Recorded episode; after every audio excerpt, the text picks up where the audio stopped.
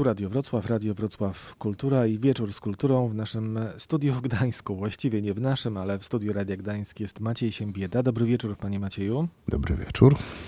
Czyli autor, no najnowsza książka, kolejne śledztwo Jakuba Kani, nazywa się Wotum i za chwilę o tej książce porozmawiamy.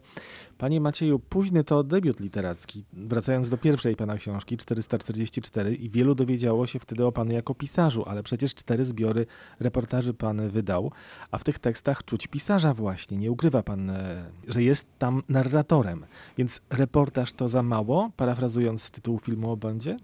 Nie, reportaż to był fundament, ponieważ ja tak sobie zaplanowałem, że to były bardziej marzenia niż plany, ale lubię używać tego sformułowania po południu życia, kiedy już nie będę pracował zawodowo jako dziennikarz. To bardzo wiele tych dawnych śledztw dziennikarskich, spraw, historii, tematów, zagadek, tajemnic zostanie przeniesione na grunt beletrystyki i może to będzie taka zemsta za to, że cały czas musiałem się trzymać obsesyjnie prawdy, a teraz będę mógł sobie pozwolić na trochę fikcji. Tak chciałem. Oczywiście było olbrzymie ryzyko przejścia mm, na drugą stronę. Myślę o przejściu warsztatowym, bo jednak teksty dziennikarskie pisze się absolutnie inaczej. Mm, no i był lęk przed debiutem późnym, ma pan rację, 56 lat. A jednak jakoś się udało. Dużo się uczyłem. Przed y, rozpoczęciem pierwszej powieści przeczytałem 500 książek sensacyjnych, y, żeby się osłuchać, y, nauczyć tej, tej melodii, tej, tych zabiegów, tego całego anturażu. No i może to dało jakiś efekt, bo już mi nie szło aż tak źle. No nie, poszło świetnie. Pańskim Bondem jest w cyklu powieści o Jakubie Kani Antybond. Właściwie zaokrąglony brunet, prokurator IPN-u. Skąd się wziął? Jak się urodził? On się wziął jakby z pierwszej historii, z historii y, obrazu Motejki, bardzo tajemniczego obrazu. Mówię o chrzcie Warneńczyka, który to obraz był poszukiwany przez wiele lat przez Główną Komisję Badania Zbrodni Hitlerowskich w Polsce, czyli poprzedniczkę IPN-u trzeba było oddać sprawiedliwość tej instytucji, która namawiana przez profesora Lorenza rzeczywiście poświęciła wiele uwagi i starań temu obrazowi. No ale w pewnej chwili główna komisja się skończyła, skończyła swój byt. Toaz został rozszerzony, zbrodnie hitlerowskie poszerzono o zbrodnie przeciwko narodowi polskiemu, nawet w nazewnictwie tej instytucji a potem też o zbrodnie, czyli też zbrodnie stalinowskie itd., tak itd. Tak I trzeba było jakby uwspółcześnić tę historię, y, trzymając się ciągle tych poręczy, czyli tego, mm, tej, tej głównej komisji. No i IPN się w sposób naturalny pojawił. E, oczywiście miałem o to strasznie dużo zarzutów, bo to nie jest instytucja kochana i, i, nie jest to instytucja, która ma szczególnie dobry PR. Ja chciałem pokazać, że Kuba, pan prokurator Jakub Kania, w każdej sytuacji, w każdej instytucji, bez względu na jej upolitycznienie itd., tak itd., tak można być przyzwoitym człowiekiem. I można być człowiekiem normalnym, trzymającym się swoich zasad i wcale nie zwracającym uwagi e, na to, co się dzieje. I on jest rzeczywiście takim antybondem, chociaż w, w pierwszej powieści pozwoliłem sobie na sformułowanie, że jest podobny do młodego Shona Connerego co może być jakąś tam korelacją. Bo ja tak pytałem, skąd się urodził, to jest takie pytanie typu, czy spotkał pan Jakuba Kanie? E, I czy pan Nie. jest trochę takim Jakubem Kanią? Czy pije pan espresso i uwielbia eklery, serniki i inne ciasta? Nie piję espresso, uwielbiam eklery, serniki i inne ciasta. Tak trochę, y trochę, tak? Trochę, trochę. On ma sporo ze mnie, aczkolwiek wyglądamy zupełnie inaczej.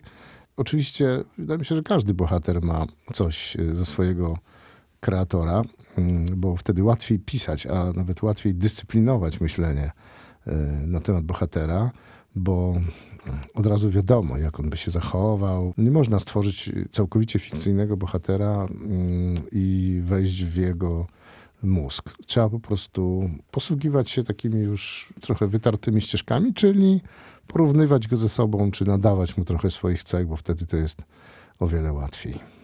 W tej trzeciej powieści o Jakubie Kani mamy sektę ortodoksyjnych wyznawców kultu maryjnego i jej ultimatum stawiane Kościołowi, by zaprzestać handlu dewocjonalniami.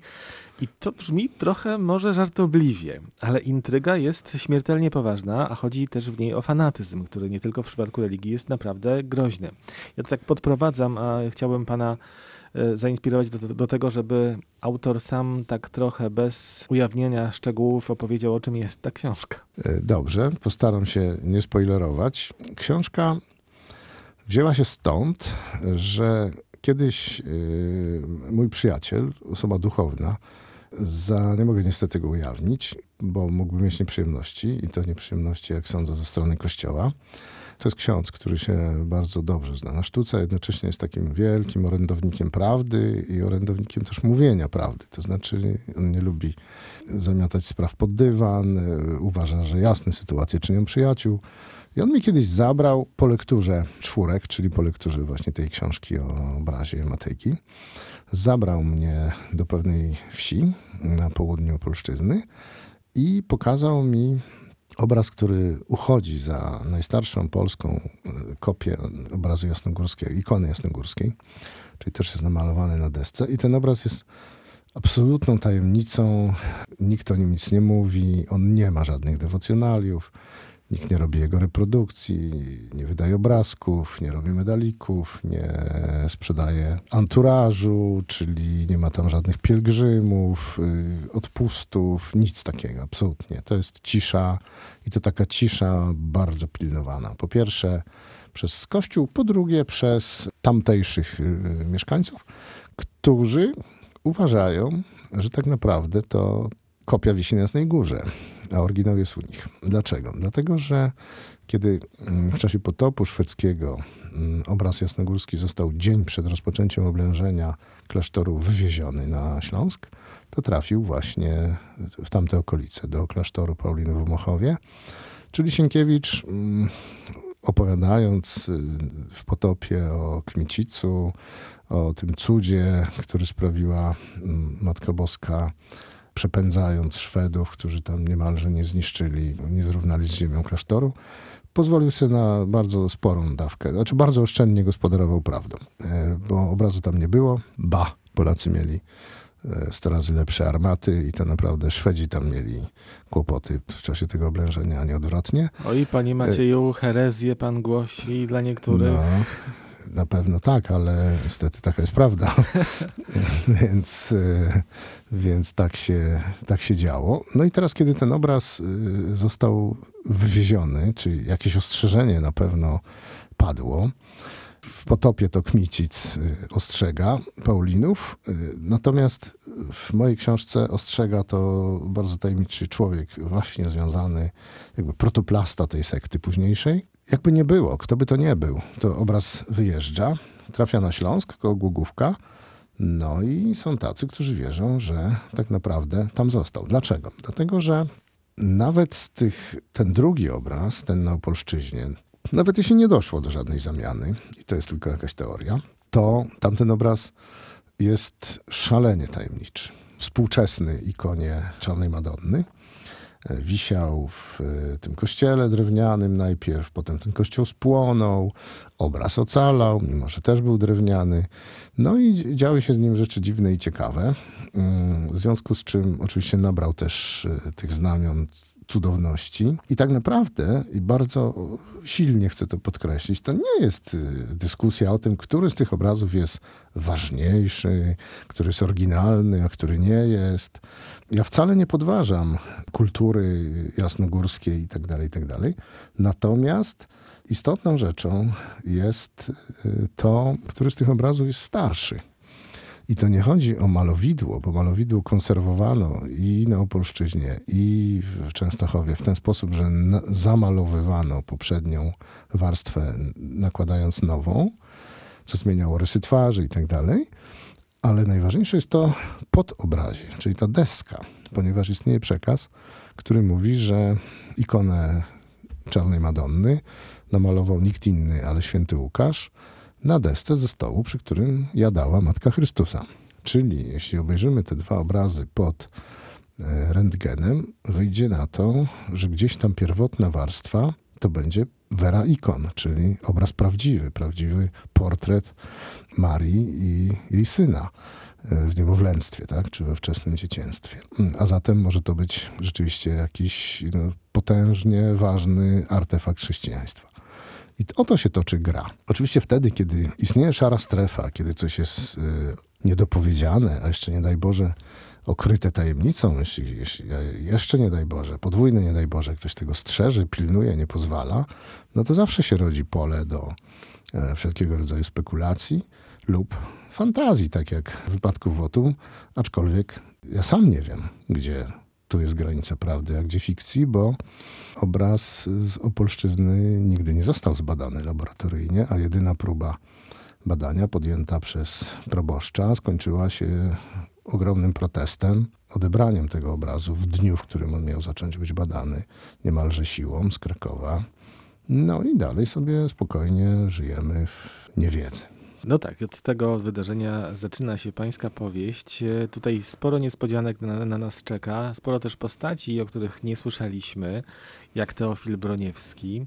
Nie wiem, czy ten Pignus e, jest prawdziwy, czy to jest Nie, wymysł to jest autora. postać fikcyjna. Ale Jan Snopkowski, no nie wszyscy, a przypuszczam, że 90% Polaków albo i więcej nie ma pojęcia, kim jest, kim był Jan Snopkowski. Mhm. To nie mówmy. No to nie mówmy, niech przeczytają. Historia to jest pańska pasja, panie Macieju. Tak, to jest e, taka wielka namiętność, bo ja się wychowałem w, e, tam, u stóp Gór Świętokrzyskich, gdzie historia była ciągle obecna, historia i czary. Tam ludzie niezwykle pielęgnowali e, historię, a zwłaszcza historię ostatniej wojny, gdzie tam, nie wiem, gdyby pan zrobił ankietę, to nie wiem, czy tam ktoś na wsiach w Górach Świętokrzyskich wiedział, kim był Krzysztof Kolumb czy, mm, czy Tadeusz Kościuszko, ale na przykład dowódców partyzanckich legendarnych Armii Krajowej znali wszyscy.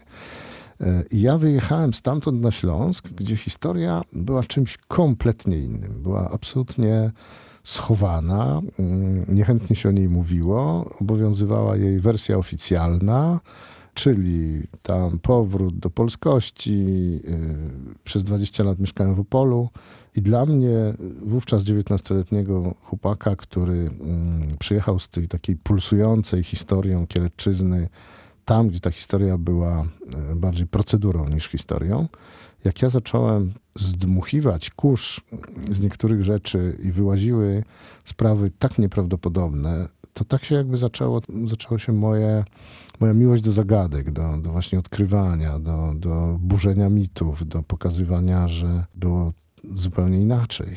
Praktycznie całe życie zawodowe temu poświęciłem. Mam kilka notesów.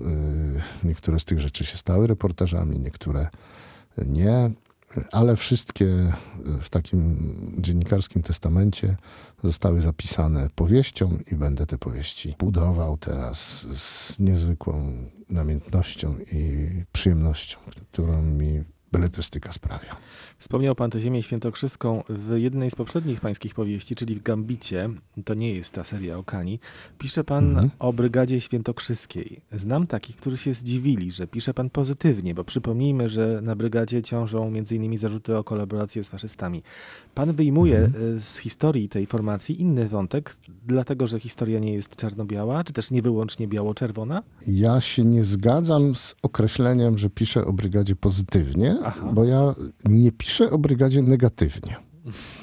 Wydaje mi się, że to, co zostało napisane o brygadzie w Gambicie, może być y, odczytane znaczy bardzo jednoznacznie. Nie ukrywam faktu, że w sztabie brygady był szef gestapo z Radomia. Nie ukrywam faktu tej y, niezwykle bliskiej kolaboracji z Niemcami. E, Opisuje dokładnie ich, łącznie z miejscowościami, ich przejście przez front. Opisuje postać Toma, czyli tego jakby podwójnego agenta, który z Pomorza, który e, sprawił, że Niemcy tak naprawdę otoczyli brygadę i opieką logistyczną, i dozbrajali, i żywili, i leczyli, i pomagali. I brygada potem jakby skierowała broń przeciwko nim. Czyli mm, to też nie jest formacja jakby bardzo jednoznaczna. Tak? Jej y, problem polega na tym, jej problem wizerunkowy, że ona nie walczyła wcześniej. Ona wal, nie walczyła tam do na początku wojny, tak? czyli nie przeszła tego całego szlaku bojowego, partyzanckiego, tylko powstała wtedy, kiedy karty były rozdane. Została tak naprawdę ostateczna rozgrywka. Ale formacja jest piekielnie interesująca, dlatego że oczywiście oni mieli określone poglądy, oczywiście ciąży na nich mnóstwo zarzutów, a zwłaszcza na pułkowniku Szackim. Natomiast e, dla mnie brygada była tylko taką taśmą transportową, która przeniosła moją bohaterkę na zachód.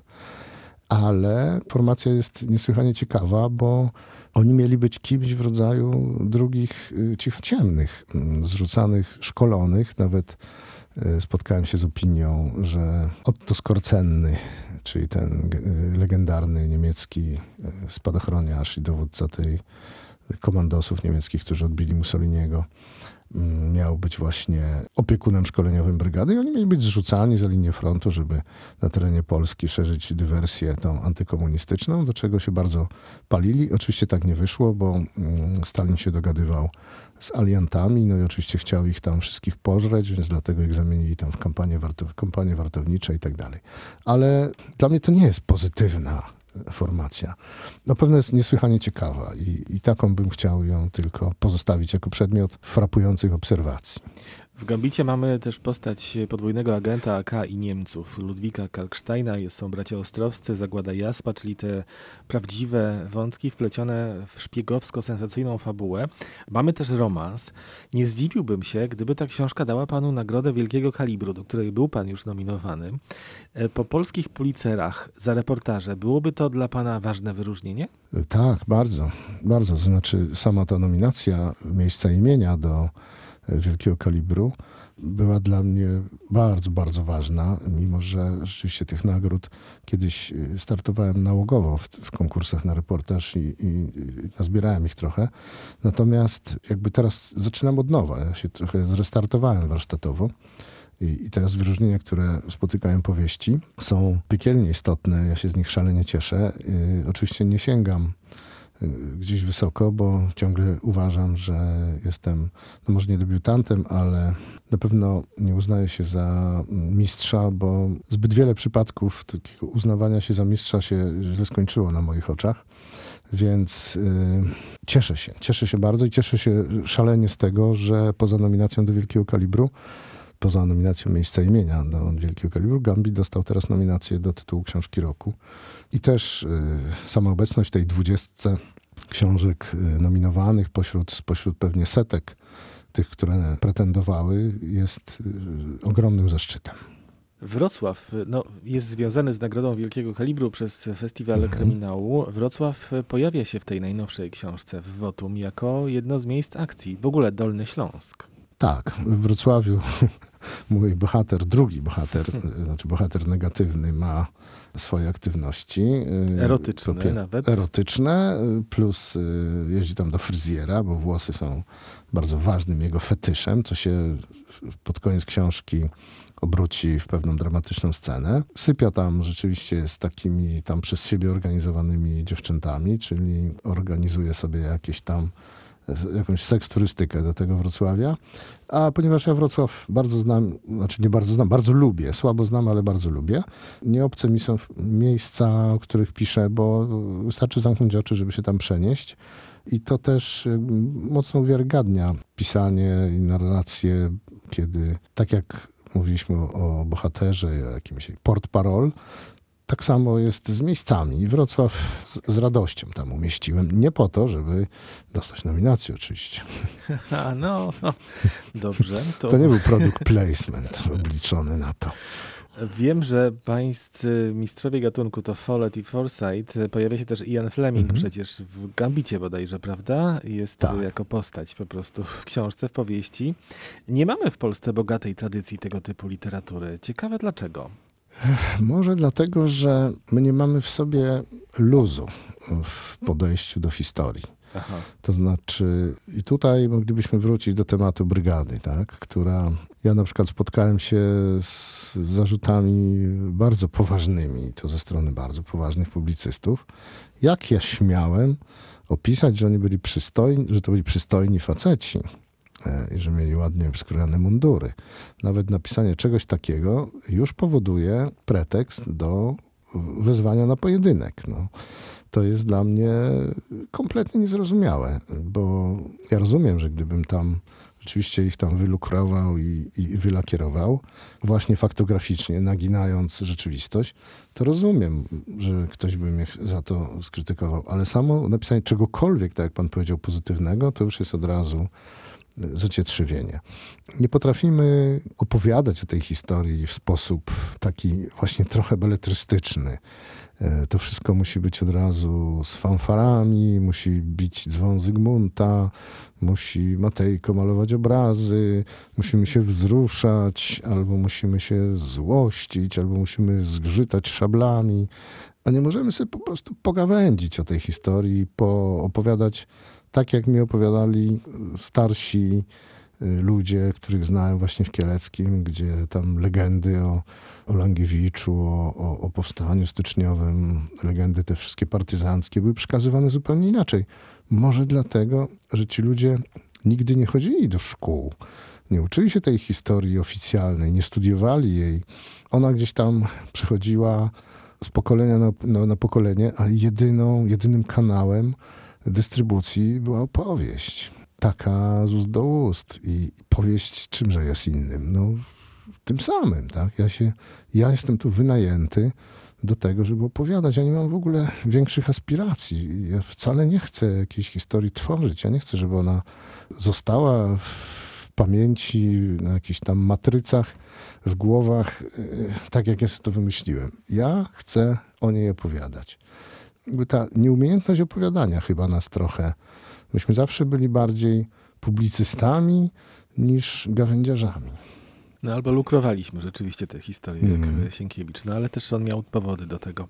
Panie Macieju, takie na koniec interesowne pytanie. Ja wiem, że to jest y, niemądre pytanie w momencie premiery nowej książki, ale ja już tę książkę przeczytałem, więc pytanie brzmi, będzie kolejny tom z Jakubem Kanią? Tak, będzie. Y, Już został napisany draft tej powieści, który, proszę tego nie odczytywać marketingowo, ale został przez moją redaktorkę uznany za jeszcze ciekawszą powieść niż Wotum. Pierwszemu panu powiem, że książka będzie się nazywała Kukły i toczy się też na Śląsku, trochę dalej, trochę na Górnym teraz y, i w Niemczech i dotyczy historii chyba jeszcze bardziej nieprawdopodobnej niż ta, która się zdarzyła w Wotum, a jednak prawdziwej. Czyli co, za rok, y, czy może wcześniej, Jakub Kania numer 4? Za rok, za rok. Za rok. Ja mam taki, takie BHP, nie, nie, nie dam się zagonić do pisania dwóch książek w roku, nie ma mowy. Bardzo dziękuję za rozmowę. Naszym gościem Dziękuję. był Maciej Siembieda, autor, no najnowsza książka to Wotum. Do zobaczenia, mam nadzieję, w maju podczas festiwalu Mm. kryminału i nagrody wielkiego kalibru. Będzie mi miło podwójnie, jeśli się tam znajdę, y, bo tam się nikt przypadkowo nie znajduje. Trzeba zasłużyć. Dziękuję serdecznie jeszcze raz. Dziękuję.